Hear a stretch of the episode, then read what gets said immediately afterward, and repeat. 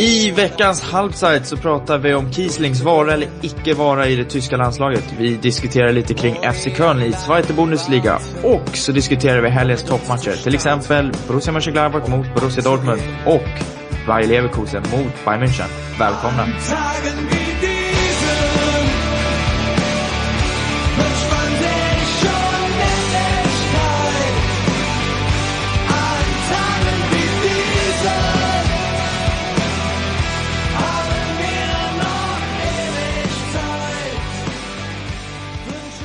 Ein Trainer ist ein Idiot. Ein Trainer sei, sehe, was passiert im Platz.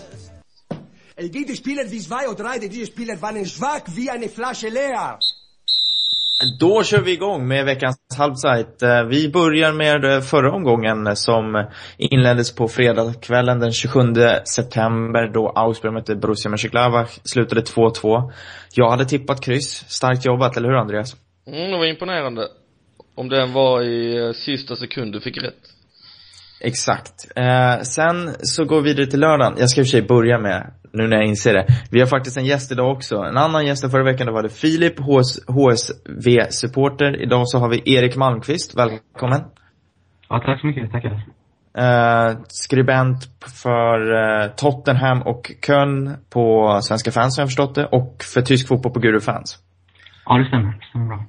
Härligt. Jag har hört att du, precis som jag, mer sympatiserar med ett lag men eh, är liksom en större supporter av tysk fotboll.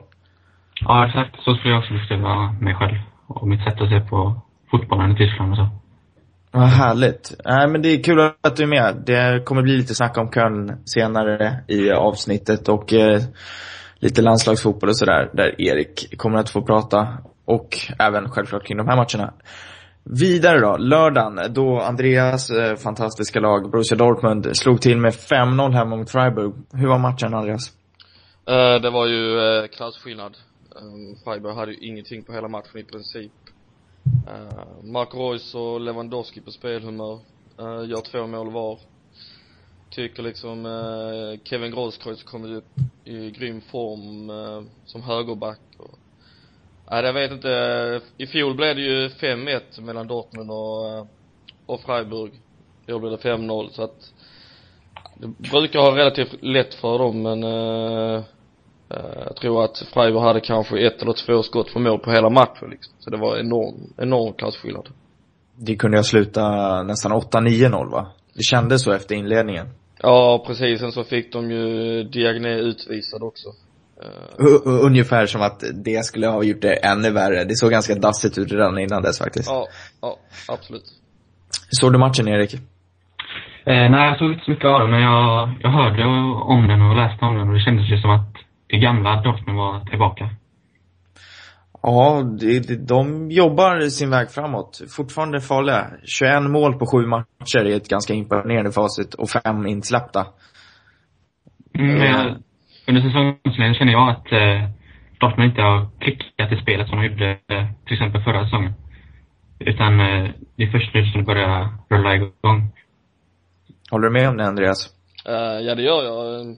Helt klart framförallt när det gäller, uh, Machitavian tycker jag har liksom varit en uh, växande formkurva. Han var kanske långt ifrån bäst mot Freiburg liksom, men just den han har fått tagit en rätt så stor roll i att ersätta Mario Götze där och det är ingenting man gör på en handvändning liksom. Men eh, jag tycker också att eh, Dortmund har eh, lyft sig här och såg man ju även igår mot Marseille då att eh, börjar klaffa lite bättre. Absolut. Eh, vi kommer in på Champions League om en stund. Vi går vidare där eh, Bayern München mötte Wolfsburg, slutade 1-0. Den stora, ja, punkten i matchen är väl för mig att Bastian Schweinsteiger inte blev utvisad efter att ha satt två händer i nacken på Diego. Är det så att eh, de större klubbarna gynnas eh, av domarna och de något mindre missgynnas?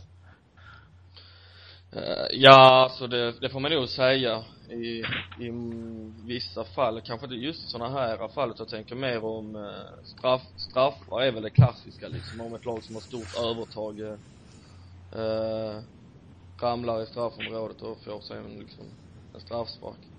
Men just det, det här fallet med Schweinsteiger är ju ett solklart rött kort eh, hos mig. Ja, för de som inte har sett det så kan man säkert hitta det på YouTube eller liknande. Det är faktiskt ganska brutalt. Erik, eh, vad tycker du om domarna? Är det så att de större lagen gynnas mer än eh, de mindre? Ja, så är det väl. Men jag håller med eh, Andreas här som säger det med bollinnehavet. Har man mer boll så får man mer straffar, mer frisparkar generellt sett. Så. Och just det här med Schweinsteiger då, så, så eh, jag kan inte tänka mig att domarna har sett eh, situationen. Utan eh, om, om de såg den så måste de ju ha gett honom rätt kort. Men, men ja, det är så jag tror.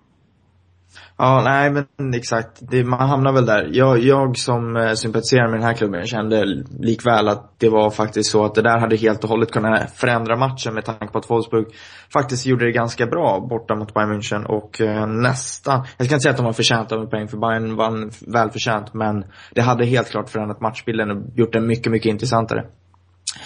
Men vidare kan vi gå och då hamnar vi på mötet mellan Leverkusen och Hannover, slutade 2-0. Hannover fortsätter att vara katastrofalt dåliga borta, på bortaplan.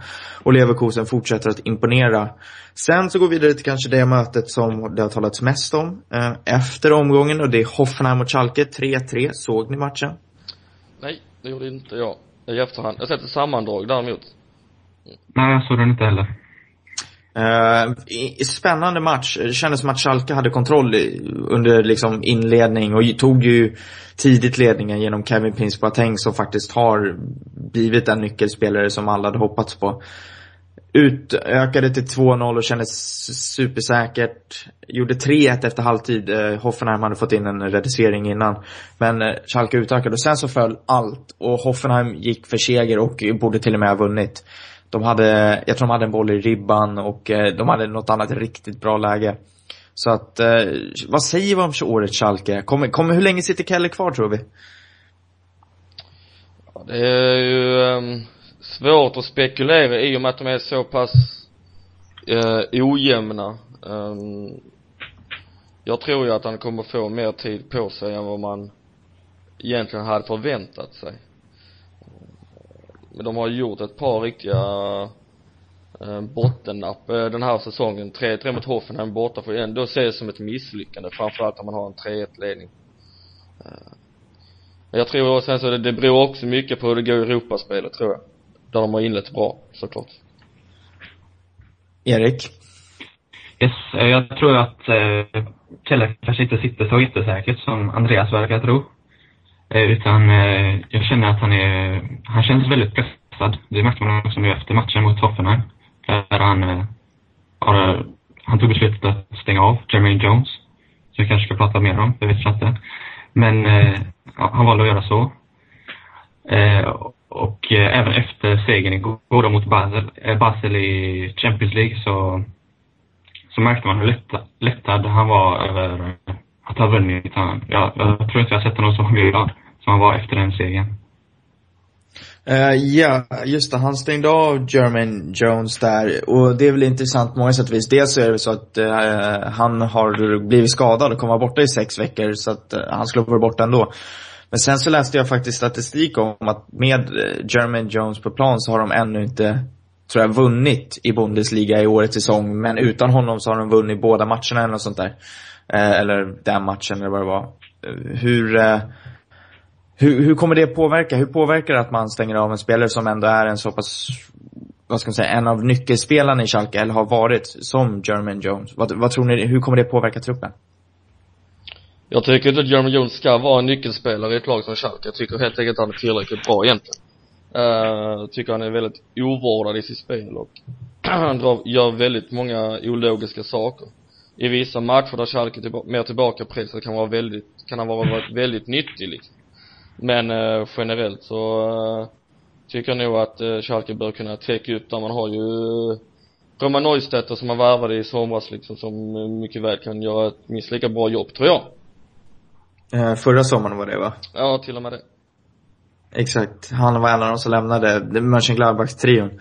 Erik, hur ser du på den situationen? Eh, ja, jag tycker inte heller att eh, Jones ska vara en startspelare eller framförallt inte en en viktig kugge i, i Schalkes lag utan så som det såg ut igår mot Basel så med Marco Höger och Roman Neustetter på det centrala mittfältet där. Så hade jag ställt upp det om jag var Kelle. Och, och det, jag hade inte startat med Jones om jag inte var tvungen. Men jag ska väl också säga att eh, den här eh, skadan, operationen som Jones skulle göra, den, eh, den ser inte ut att bli av just nu. Eftersom han valde att, eh, det var han själv i frustration som sa att han skulle göra det. Men eh, sen så backade han gällande det. Så han blev bara avstängd den här matchen mot Basel. Ja, det låter precis som någonting en sån människa skulle göra faktiskt. Att bara ändra sig från ena sekunden till andra. Eh, det är en sorts blessing in disguise där kanske, eller hur? Ja, det tror jag. Uh, Jeremy Jones som person är ju knappast uh, det i alla fall. Uh, tror han är ganska svårhanterlig också, bevisligen. Så, eh, nej men jag tror att det är bra för, eh, för Schalke. Det tror jag. Yes. Vidare till eh, Berlin där Hertha vann mot Mainz med 3-1. Mainz hade ledningen men Hertha var det klart bättre laget och vann rättvist. Sami Alagui gjorde två baljer och jag tror han nästan har det bästa snittet faktiskt sett till antalet eller till mål per minut. Eh, jag tror jag räknade ut någonting att han hade runt ett var 50-50 minut eller något sånt där om det kan stämma. Medan om man jämför, eller 60 minut kanske var, och Robert Lewandowski ligger på någonting, ett var 150 eller något liknande. Eh, vidare lördagen hade vi också på Eintracht Frankfurt mot Hamburg 2-2. Van Marwijk, van Marvik kanske man säger här i Sverige. Eh, fick en hygglig inledning och eh, tyckte att poängen var välförtjänt. Såg ni matchen? Så jag såg, jag, jag såg egentligen bara första halvlek. Um av det var, var, ja, var HSV välförtjänta av pengen utifrån det? De fick ju in en eh, kvittering precis innan paus och det väl, kan man väl säga att de ändå hade skrapat ihop till. Uh, jag tyckte ändå inte man såg några så här klara skillnader gentemot uh, tidigare matcher. Sen så det, såg ju inte andra halvlek och det är ofta då de har fallit ihop så att det är ju han blev lite räddad där utav Marcel Jansen på slutet. Ja, jag såg, det, jag såg slutet på matchen. Och då... Jag, tyckte inte alls de föll ihop så som de har gjort under Torsten Fink under, ja, under vissa matcher. Eller ganska många matcher får man väl säga. Eh, utan de krigade på de fick till slut in kvitteringen genom eh, Marcel Jansen då. Eh, och eh, jag tror att just van Marwijk var, var den bästa alternativet de kunde få in just nu. Och bara han får tid på sig så, så tror jag att trots allt spelmaterialet och trots allt stök som är runt klubben, i klubben, så, så tror jag att lag kan lyfta och att de i slutändan inte kommer kämpa om botten, i bottenstriden. Tror jag faktiskt inte. Nej, det blir, det blir spännande att se utveckling på laget. Jag tyckte precis som Andreas och kände att det var inte någon större förändring mot eh, Finks ledarskap. Men jag vet inte hur mycket man ska kräva efter fyra dagar som tränare. Eh, hur mycket man faktiskt hinner förändra. Men eh, Hamburg fick sin poäng, Frankfurt fick en poäng på söndagen så spelade årets krysslag, FC Nürnberg. De åkte till Bremen. Mötte dem på bortaplan, slutade 3-3. Jag missade den här matchen helt och hållet, men det var Nürnbergs femte kryss den här säsongen av sju matcher. Eh, såg ni matchen? Nej, men Per Nilsson saknades ju den matchen och spelade man med Daban Lee på i mittlåset i, istället och eh, verkar verkar uppenbarligen inte ha fungerat särskilt bra. Eh, Erik, såg du någonting om matchen?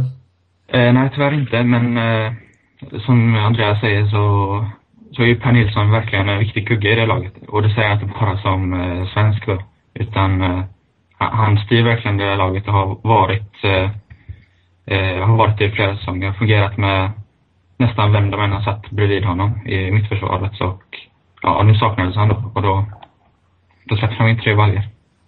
Ja, eh, jag eh, ska korrigera lite vad vi sa förra veckan också. Jag fick från eh, Viktor Lik, tror jag han heter, skriver för Nürnberg, redaktionen på Svenska fans.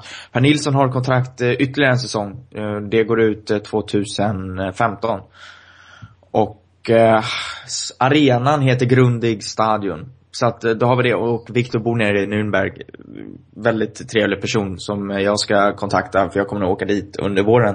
Och en person som dessutom känner Per Nilsson väldigt väl. Eh, skitsamma, vi eh, 3-3. Bremen fick en pinne igen. Jag vet inte hur de lyckas göra tre mål. För det jag har sett av det laget så är det det minst, ja, det finns ingen spets i den offensiven överhuvudtaget tycker jag.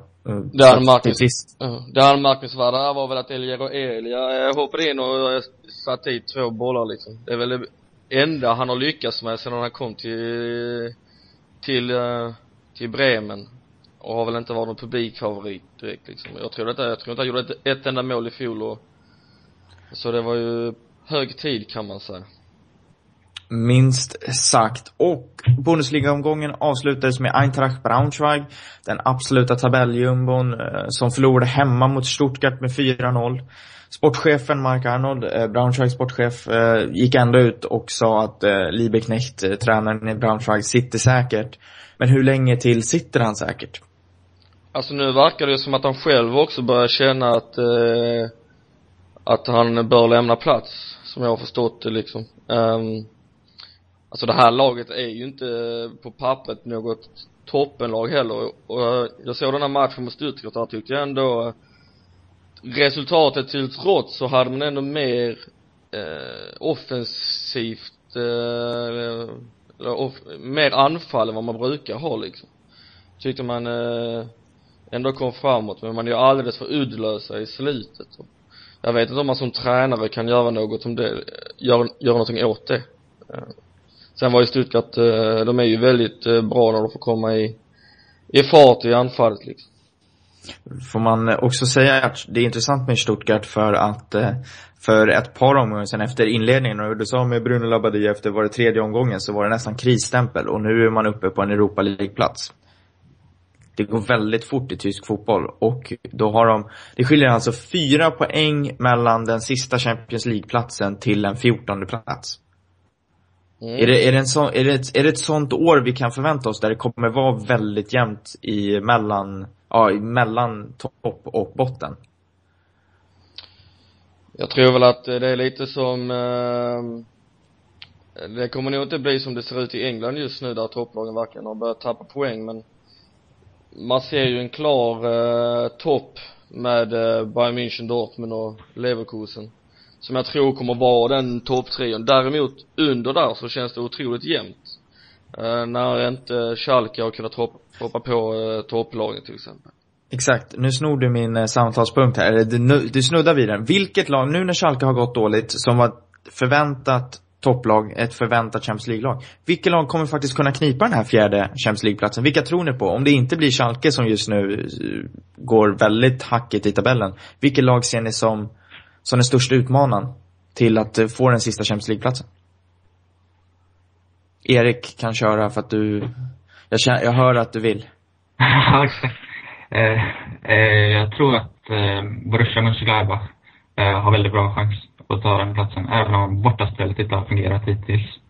Så deras lag med, med Lucien Favre som eh, rattar där i, på bänken, så jag tror absolut att de, de mår bra av att inte spela i Europa i år.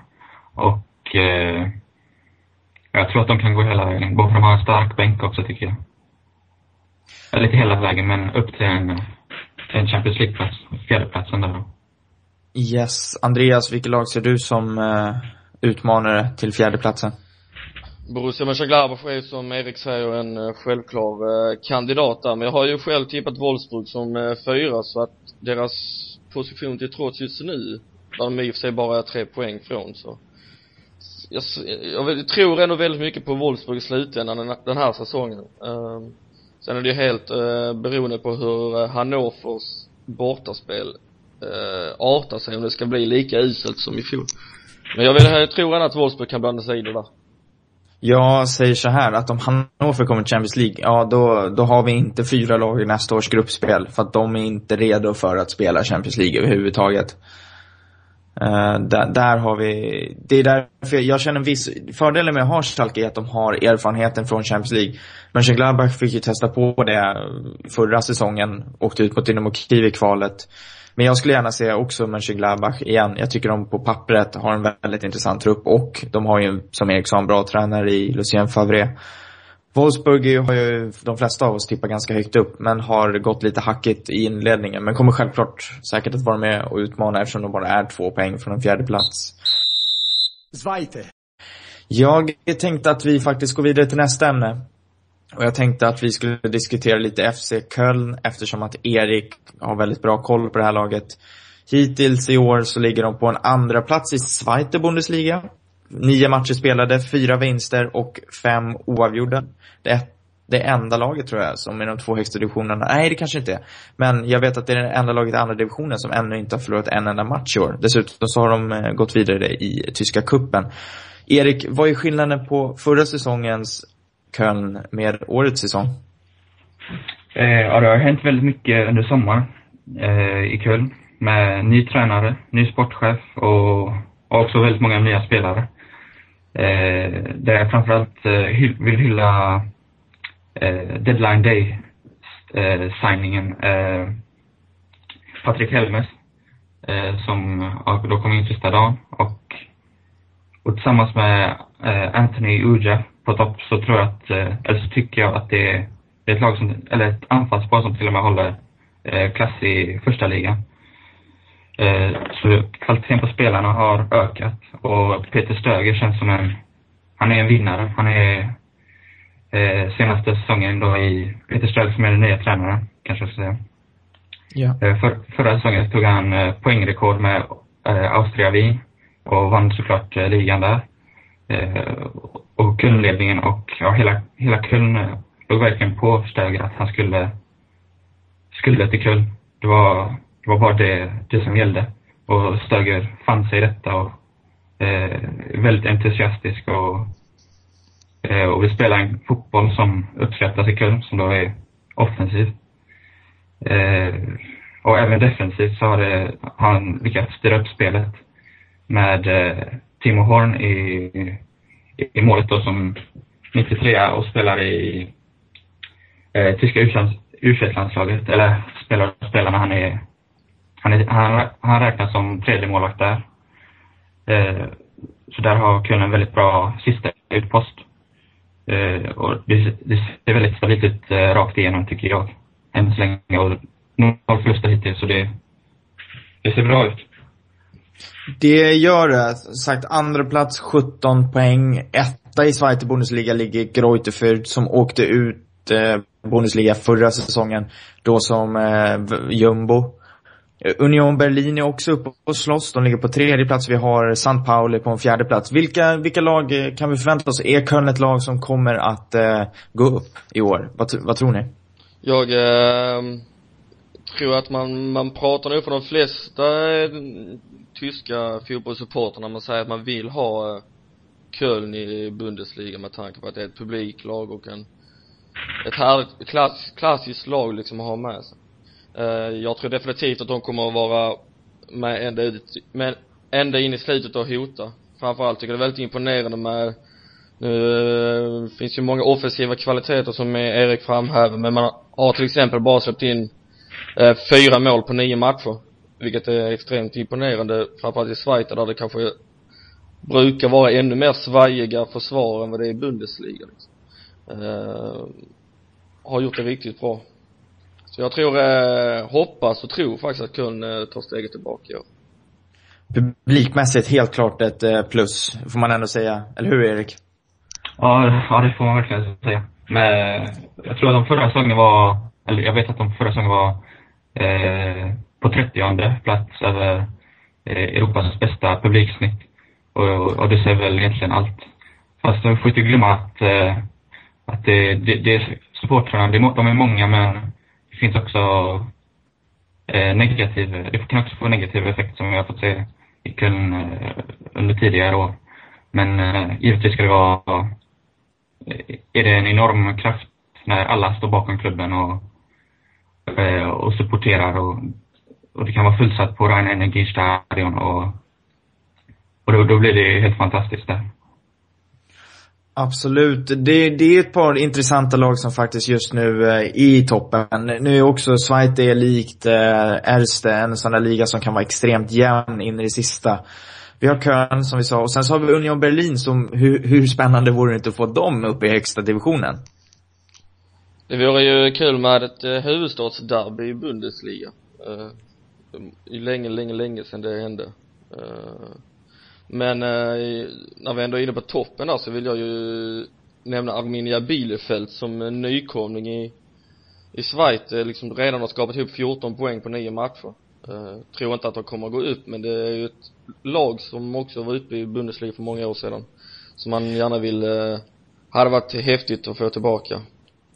Uh, spännande då med att min uh, min styvpappa sen eh, alla år är just från Bielefeld en, eh, enligt honom en bara, som bara en håla. Dit ska man inte åka. Eh, skittråkigt om de skulle gå upp. Men de har faktiskt en extremt eh, intressant anfallare tycker jag i Fabian Klos som har gjort fyra mål. Han var stormålskytt i förra året i Dritte Bundesliga, i Dritte Bundesliga. Och har gjort fyra mål i årets eh, Eh, Zweite Bundesliga. Det är en spelare som man ska hålla ögonen på, för jag tror att han är en sån som kan tänkas faktiskt hamna i eh, Bundesliga. Men jag tänker att eh, vi får diskutera Zweite Bundesliga lite närmare vid ett senare tillfälle med Erik när ligan har utstakats lite mer. Och så går vi vidare till lite landslagssnack. För att landslagsuppehållet närmar sig. På fredag så kommer Jogi Löw att presentera sin trupp. En trupp som saknar Miroslav Klose och Mario Gomez. Vilket betyder att anfallssituationen är ett frågetecken. Den enda från den förra truppen. Eh, som är tillgänglig är Max Kruse. Och då är ju självklart frågan, får vi se Stefan Kiesling i den tyska landslagstruppen? Jag eh, tror inte det. Även om eh, Löv nu gått ut och sagt att han eh, eh ska ta samtal med Kiesling. Jag tror att eh, dels så tror jag att Joakim Löv säger så här enbart för att eh, lägga över, eh, vad ska man säga, skammen på Kiesling då, om man nu väljer att säga nej, om det, om det erbjudandet skulle komma. För jag tror att eh, han kommer stå vid sina ord att han inte kommer spela under Kiesling som förbundskapten, eller som, under Löv som förbundskapten. Eh, han skulle ju varit med tidigare, i alla fall är min bestämda åsikt liksom och får nästan Joakim Löf skylla sig lite själv nu när han får en anfallskris här. Erik, vad tror du om situationen? Eh, jag tror tvärt emot eh, Andreas att eh, Kisling och Jogilov kommer eh, på något sätt enas. De kommer kanske inte vara bästa vänner såklart, men eh, jag tror att de kommer enas och säga att de kör på detta nu. Jag tror att han kommer tillbaka eh, till landslaget. Den är intressant. Jag skulle också väldigt gärna se Kiesling tillbaka i, i landslaget, men jag får nog sålla mig till, till Andreas sida. Jag har väldigt svårt att se att Löv kommer att eh, visa sig, visa någon sorts, vad ska man säga, en svaghet och eh, ta tillbaka Kiesling. Men vad är eh, alternativet? Blir det Kruse på topp eller hur kommer eh, Löv att formera anfallet gentemot, eh, i matcherna mot Irland och eh, Sverige? Nu är ju Tyskland i princip eh, klart för avancemang så han har ju råd att experimentera lite och kanske starta med Kruse då från, eh, från start och Kruse har ju verkligen visat god form så att det vore ju inget dumt val men jag tror att han kommer att eh, köra med en så kallad falsk, eh, falsk nia. Eh, med eh, Royce eller Özil då. I den positionen. Mm, ja, jag tror också på den eh, falska nian där. Även om jag tror att, eh, jag tror sagt att Kisling kommer komma med och då kommer han vara ett alternativ för startelvan givetvis. Men om det inte blir så, så tror jag att eh, då, då, då, då blir det en falsk nia med antingen Royce eller. Så Tyskland kommer alltså att försöka experimentera med en falsk nia som man har testat förut. Det jag har sett av det har varit blandat. Men intressant eh, situation har vi i anfallet. En annan intressant situation i det tyska landslaget är ju mittbackspositionerna. Senaste eh, två landskamperna så ställde Löv upp med Per Mertesacker och Jerome Boateng som mittbackar. Mats Hummels blev petad. Mycket på grund av att han inte varit lika säker som tidigare, enligt Löv. Och eh, Hummels gick själv ut i en intervju med Kicker här i veckan och sa att eh, hos eh, det tyska fotbollsförbundet så ser man inte gärna kritik. Och då ska man säga att det tyska fotbollsförbundet är eh, någon sorts, det, det är en hint om att det är Löv som det handlar om. Det är inte förbundet utan det är faktiskt landslagsledningen. Hur, hur ser vi på den här situationen? Är Hummels, Hummels är ju för mig given i, i, i mittbackslåset. Men är det så att han kanske har sålt sig lite nu med ett sånt uttalande och när eh, Boateng och Mertesacker är så pass så bra ifrån sig i sina klubblag.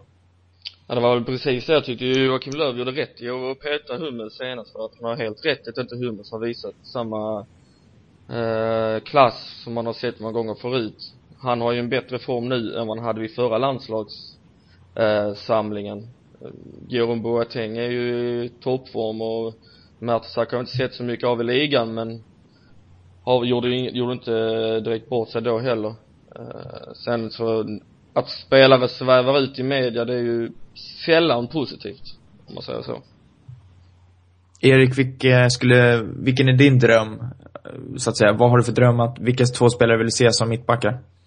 Mm, för mig är det faktiskt inget snack. Jag skulle, Jerome Boateng och eh, Mats Hummels ska spela mittbackar i tyska landslaget. Så är det min bok i alla fall. Jag eh, är ju lite intresserad av att se nu, det finns ju ett namn till som har varit borta ett tag som eh, rehabtränar, Holger Barnstuber. Han kommer ju inte vara tillbaka på länge, men kan han komma tillbaka som ett alternativ inför VM-slutspelet? Ja, det måste han. Det måste han.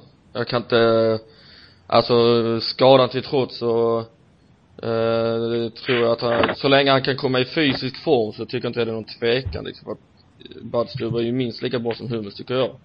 Uh, han är, han är, det är min, en av mina absoluta favoritspelare faktiskt. Ja. Så jag tycker det, det ska inte, i en VM, i en VM-trupp som ändå är relativt bred när man tar ut den så tycker jag liksom inte det ska råda någon tvekan om att han ska vara med. Uh, det tycker jag inte. Erik, hur ser du på den situationen? Vad tror du om Badstuber?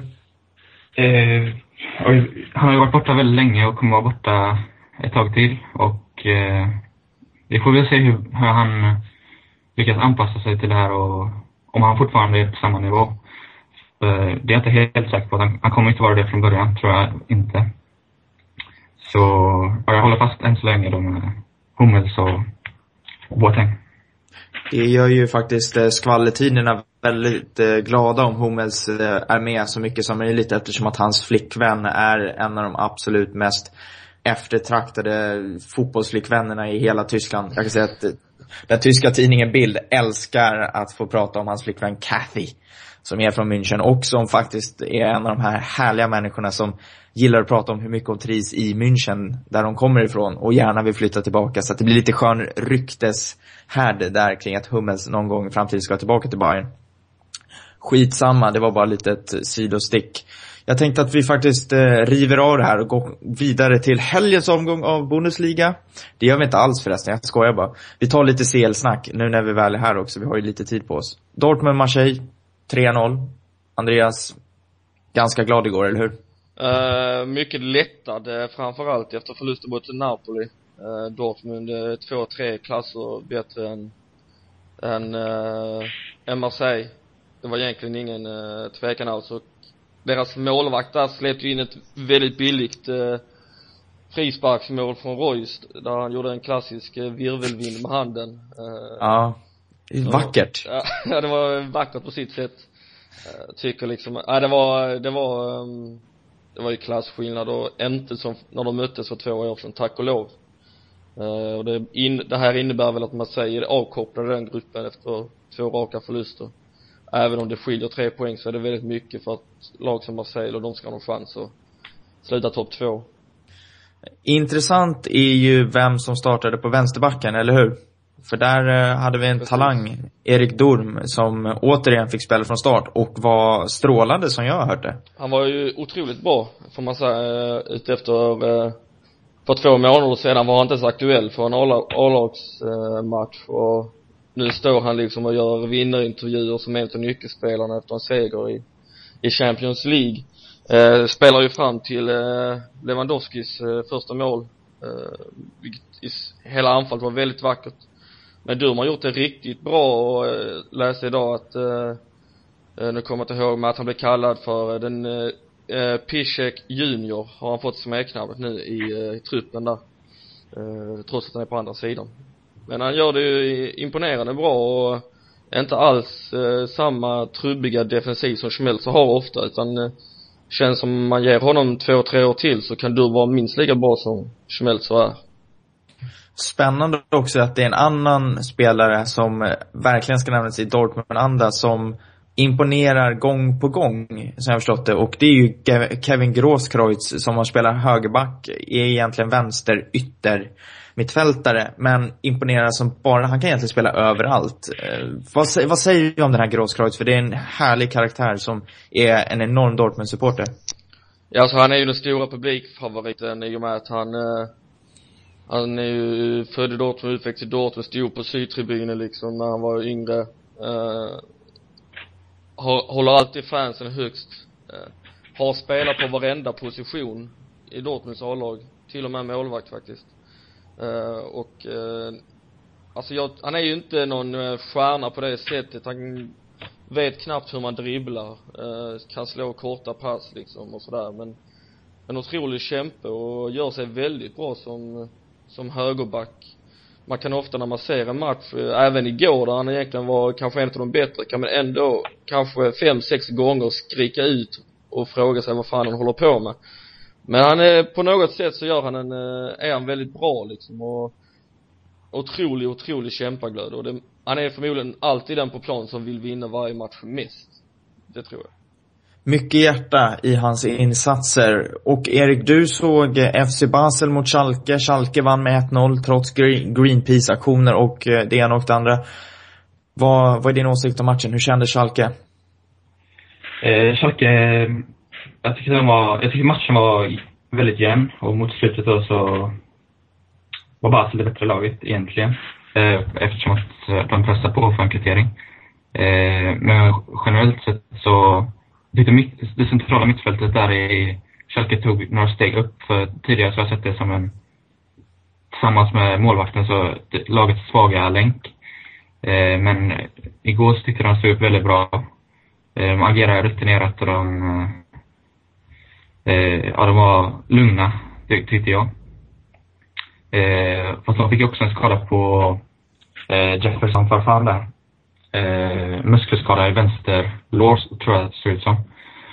Eh, och eh, vi får se hur det påverkar dem. Men, eh, men eh, jag tyckte det var, man skulle säga att det hade inte varit eh, helt fel, eller helt orättvist om det blev kryss, men inte heller helt eh, orättvist att just Schalke vann.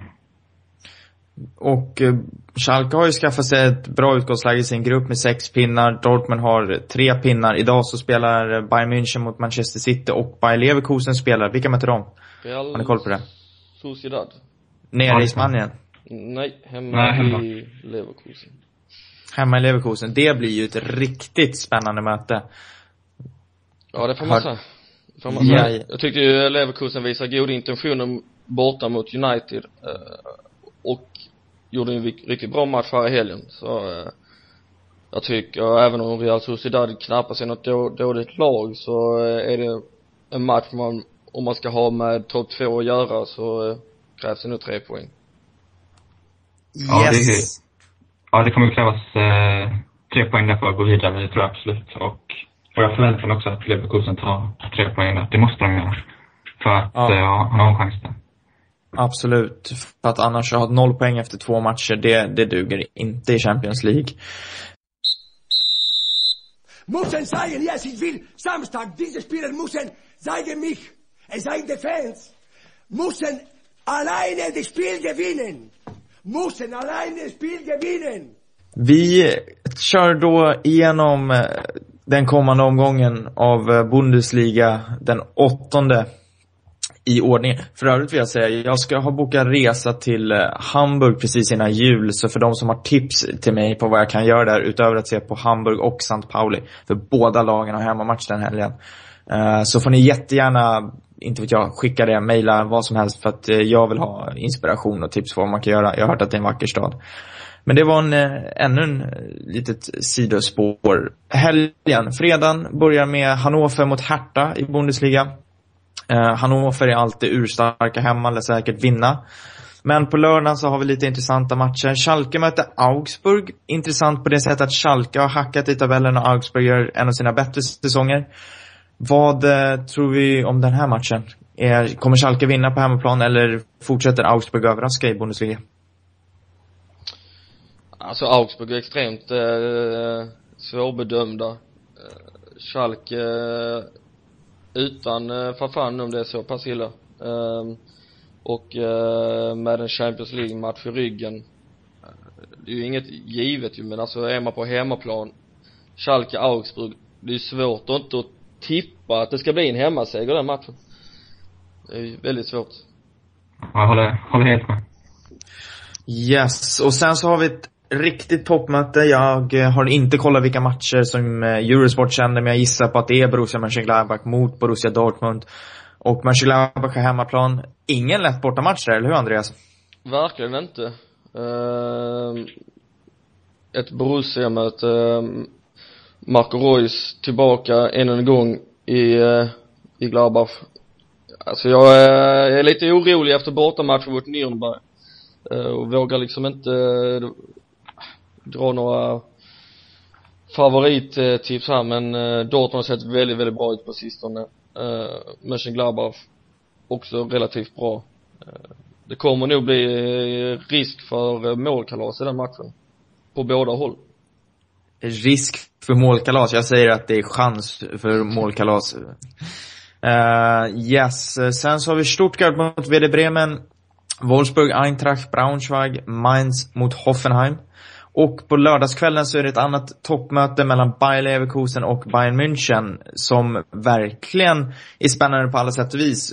Trevligt att båda lagen faktiskt får spela Champions League-match samma dag så att ingen kan skylla på att den andra det ena laget har fått mer tid att förbereda sig inför mötet. Hur, hur kommer det se ut på Bayer Arena i Leverkusen, Erik? Ja, det kommer väl se ut som det brukar göra när Bayern spelar med, med mycket boll. Eh, man kommer ju ha, säkert ha minst 60 procent bollinnehav. Eh, rulla runt och, hitta lägen. Eh, och Leverkusen kommer försöka kontra med sin eh, hyperfarliga, sin hyperfarliga trio där fram. Och det tror jag Bayern måste verkligen se upp med. För, eh, för de är, de är riktigt vassa. Eh, men om jag ska säga något tips så då, då blir det Bayern. Bayern. Eh, Andreas, hur ser du på mötet? Eh, väldigt intressant att se och det blir den största kraftmätningen för båda två i, i ligan kan man säga. Eh, Leverkusen var det enda laget som lyckades besegra Bayern München i fjol. Och, eh, jag lyckades så otroligt nog se den matchen. Det är fan otroligt alltså. Ja, nej så det ska bli eh, eh, Eh, det är kul att se om eh, Leverkusen är tillräckligt bra för att hota Bayern och Dortmund den här säsongen. Eh, jag tror att man kommer att få mycket svar på det i den här matchen. Nej, det är ju helt klart helgens mest intressanta match. Ja, helt klart. Det känns som att Leverkusen är ett lag som verkligen kan rubba Bayern München. Precis som Erik säger så har de ju en extremt vass trio som är bra på kontra och där tror jag Bayern Münchens svaghet sitter just i försvarsspelet. De har inte varit särskilt starka på, på kontringar. Eh, den, här, den här säsongen har sett eh, extremt svaga ut i defensiven stundtals. Mm, ja, det, det tycker jag med, men eh, eh jag tror ett problem är det att de nu på senaste tid har valt att eh, sätta larm på mittfältet istället för högerbacken. Där det är ett rejält eh, kliv neråt när man sätter Rafinha där, tycker jag. Och ett, ett av de problemen som de har. Ja, absolut. Jag ska också, så här, jag ska säga, jag såg alltså Bayern München, Bayer Leverkusen live. Där Leverkusen vann med 1-2. Den stora behållningen, de vann med 2-1 såklart. Du kan ju inte vinna med 1-2. Uh, skitsamma. Den stora behållningen för mig i den matchen var att jag stod bakom en Bayern München-supporter som hade nummer 12 på sin rygg. Och så hade han namnet Snorre på, vilket jag tyckte var extremt komiskt. Jag har en bild på det också. Uh, för, för, oss som är lite barnsliga i tanken. Men eh, bra matcher bjuds vi på på lördagen. På söndagen så har vi Nürnberg mot Hamburg. Två lag som är i desperata behov av poäng. Ligger på runt kvalstrecket. Båda har fem pinnar, så det blir en extremt ångestfylld match. Och sen så har vi Freiburg på, F, SC Freiburg mot Eintracht Frankfurt. Där Freiburg verkligen är i behov av poäng. De ligger under nedflyttningsstrecket just nu på tre poäng. Är det någonting som ni vill ta upp innan vi avslutar dagens podd? Alltså jag vill eh, nästan hävda att eh, blir det förlust för Streich eh, mot eh, Frankfurt så tror jag att det börjar, han börjar sitta riktigt illa i det. Eh, Finns inte en chans. De, de gör all, de, alltså han, han sitter så säkert kan jag säga. ja, Det- jag, jag- tror inte, jag tror inte han ryker vid en förlust alltså. Det tror jag inte. Men jag, eh, alltså jag vet att Husa, så dåligt lag har de inte så att de inte eh, ska kunna vinna en match liksom efter åtta omgångar i Bundesliga. Den dagen som Streich försvinner från Freiburg, den dagen så kommer jag gråta tror jag.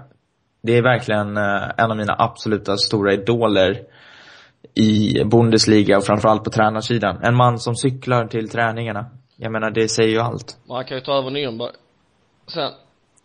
Det, nej, ja det kan alltså, där Efter har att du de har faktiskt, kryssat i helgen. ja där har du faktiskt börjat bubbla upp att eh, Visingen inte sitter sådär jättesäkert. Eh, men sportchefen Martin Bader har eh, sagt, eller Bader kanske han heter, har gjort klart att han ändå stöttar sin tränare. Erik, är det någonting du vill lägga till innan vi avslutar? Eh, nej, jag tycker vi har haft gott snack här och, och det känns eh, stabilt. Yes. Eh, då ska vi se. För er som eh, är intresserade av att följa oss så kan man hitta oss på olika ställen. Var hittar man Andreas på Twitter till exempel? Ni hittar mig på snabel A Andy Holm. Erik, vart, eh, var hittar vi dig? Eh, också på Twitter på snabel Malmqvist understreck E. Och mig hittar ni på Twitter under namnet eh, AT Nilsson. Och självklart en kanelbulle innan dess. Vi får tacka Erik för att du ställde upp idag. Trevligt att du kunde vara med. Sugen på att komma tillbaka i framtiden? Absolut. Vilken vecka som helst. Ja, ja det låter skitbra, eller hur eh, Andreas? Ja. Lojalt. Men, ex exakt, precis så. Då tackar vi för den här gången. Tack för mig, Adam. Tack för mig Andreas. Och tack för mig, Erik. Hej då, ses nästa vecka. Ha det bra. Auf Wiedersehen.